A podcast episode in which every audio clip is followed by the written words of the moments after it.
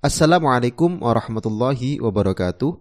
Bismillah, alhamdulillah, wassalatu wassalamu ala rasulillah, wala hawla wala quwata illa billah. Asyhadu an la ilaha illallah wa la syarikalah, wa asyhadu anna muhammadan abduhu wa rasuluh la nabiyya ba'dah. Allahumma sholli ala Muhammad wa ala ali Muhammad amma ba'du. Pendengar Buletin Dakwah Kafah rahimakumullah. Kembali hadir di tengah-tengah Anda semua Buletin Dakwah Kafah kali ini edisi 191. 18 Ramadan 1442 Hijriah, 30 April 2021 Masehi. Kali ini akan mengangkat tema makna nuzulul Quran. Bismillahirrahmanirrahim. Setiap Ramadan, kaum muslim biasanya menyelenggarakan peringatan nuzulul Quran. Tentu karena Al-Quran Allah SWT turunkan pada bulan Ramadan sebagaimana dalam Quran surat Al-Baqarah ayat 185. Bukan hanya turun pada bulan Ramadan yang istimewa, Al-Quran pun turun pada malam yang sangat istimewa, yakni Lailatul Qadar. Allah Subhanahu wa taala berfirman dalam Quran surat Al-Qadar ayat 1 sampai 3, A'udzu billahi minasyaitonir rajim. Bismillahirrahmanirrahim. Inna anzalnahu fi lailatul qadr wa ma adra kama Lailatul Qadr. Lailatul Qadri khairum min alfi syahr. Sungguh kami menurunkan Al-Quran pada saat Lailatul Qadar. Tahukah kamu apa Lailatul Qadar itu? Itulah malam yang lebih baik dari seribu bulan. Namun demikian, terkait ayat di atas, umumnya kaum muslim lebih fokus pada keutamaan Lailatul Qadar. Sedikit yang fokus pada kedahsyatan peristiwa nuzulul Quran. Mengapa nuzulul Quran dikatakan peristiwa dahsyat? Secara tidak langsung, hal demikian bisa kita pahami dari ayat lain, yakni firman Allah Subhanahu wa taala dalam Quran surat Al-Hasyr ayat 21. A'udzu billahi minasyaitonir rajim. Bismillahirrahmanirrahim. Lau anzalna hadzal qur'ana ala jabalil la ra'aitahu mutasaddian min khasyatillah amsalu nadribuha linnasi la'allahum yatafakkarun. Andai Al-Quran ini kami turunkan di atas gunung, kamu Muhammad pasti menyaksikan gunung itu tunduk dan pecah berkeping-keping karena takut kepada Allah.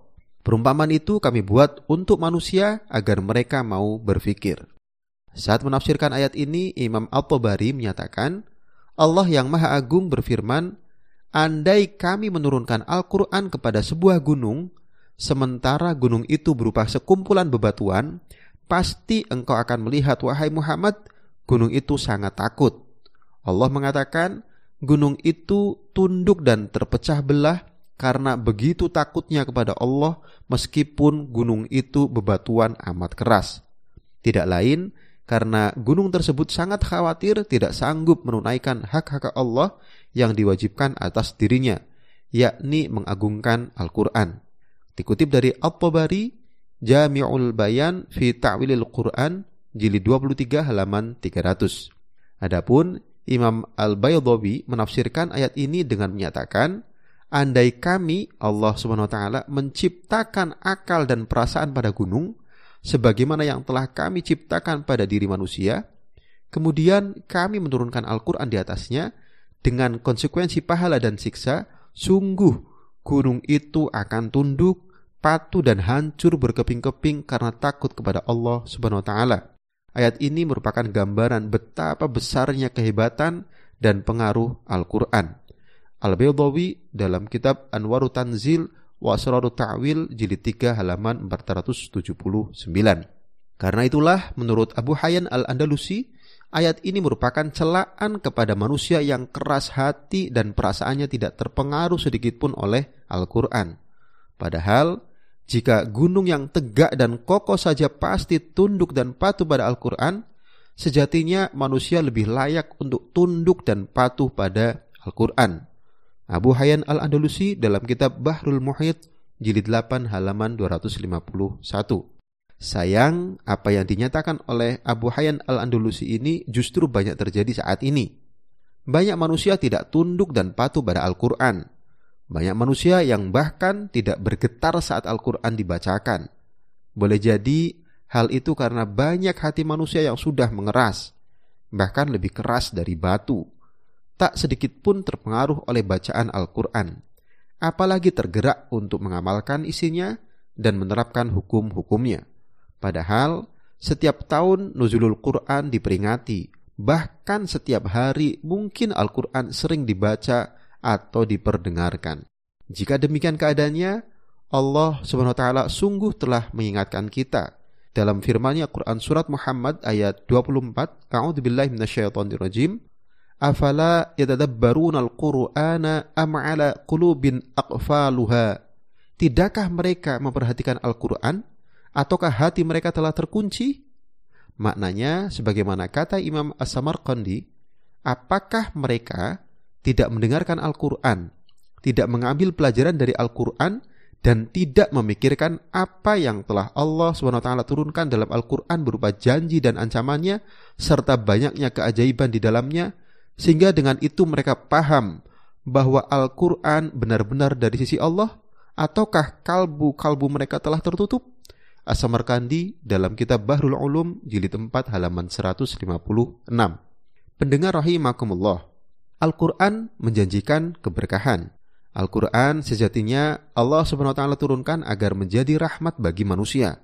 Bisa Anda lihat di Quran Fusilat ayat 2 dan 3. Rahmat yang terkandung dalam Al-Quran itu akan terwujud tentu jika seruan-seruannya dipenuhi oleh manusia. Sebagai rahmat, Al-Quran benar-benar menjanjikan keberkahan bagi manusia. Tentu saat Al-Quran secara nyata diterapkan di tengah-tengah kehidupan mereka. Allah SWT berfirman dalam Quran Surat Al-An'am ayat 155, A'udhu billahi minasyaitonirrojim, Wahada kitabun anzalnahu mubarakum fattabi'uhu wattaqu la'allakum turhamun. Al-Quran itu adalah kitab yang kami turunkan yang diberkati. Karena itu, ikutilah kitab tersebut dan bertakwalah agar kalian diberi rahmat. Imam Al-Alusi menjelaskan bahwa Al-Quran disifati dengan mubarak yang diberkati karena mengandung banyak kebaikan di dalamnya untuk kepentingan agama maupun dunia. Adapun frasa fattabi'uhu maknanya adalah fa'malu bima fihi. Karena itu amalkanlah semua hal yang terkandung di dalam Al-Quran itu. Al-Alusi dalam kitab Ruhul Ma'ani, jilid 6 halaman 77. Pendengar rahimakumullah, aspek ruhiyah dan sia-sia Al-Quran. Seruan-seruan Al-Quran setidaknya memiliki dua aspek, yakni aspek ruhiyah atau spiritual dan aspek sia-sia atau politik. Aspek ruhiyah mencakup pengaturan hubungan manusia dengan Allah seperti sholat, puasa, haji, dan lain-lain. Adapun aspek sia-sia atau politik mencakup pengaturan hubungan sesama manusia, khususnya yang menyangkut urusan publik yang dijalankan oleh negara dan dikontrol pelaksanaannya oleh umat. Sebabnya, politik dalam Islam pada hakikatnya adalah pengaturan urusan umat baik di dalam maupun di luar negeri, sesuai dengan petunjuk dan hukum-hukum Al-Quran. Namun sayang, aspek sia-sia Al-Quran belum mendapat perhatian semestinya sebagaimana aspek ruhiyahnya. Oleh sebab itu, pantas kerahmatan dan keberkahan Al-Quran masih jauh dari kehidupan manusia saat ini. Di antara ayat Al-Quran yang sifatnya politis itu misalnya, pertama, ayat-ayat tentang kewajiban menerapkan hukum Islam dalam aspek publik. Allah SWT misalnya berfirman dalam Quran Surat An-Nisa ayat 65. A'udzu billahi minasyaitonir rajim. Bismillahirrahmanirrahim. Fala wa rabbika la yu'minuna hatta yuhakkimuka fima syajara bainahum thumma la yajidu fi anfusihim harajan mimma qadaita wa yusallimu taslima. Demi Tuhanmu, mereka pada hakikatnya tidak beriman hingga mereka menjadikan kamu Muhammad hakim dalam perkara yang mereka perselisihkan. Kemudian mereka tidak merasa keberatan dalam hati mereka terhadap putusan yang kamu berikan dan mereka menerima dengan sepenuhnya. Ayat ini menegaskan kewajiban untuk menjadikan Rasulullah Shallallahu Alaihi Wasallam sebagai hakim. Saat Rasulullah Shallallahu Alaihi Wasallam sudah wafat, maka ayat ini mengandung kewajiban umatnya untuk berhukum pada Al-Quran yang beliau bawa.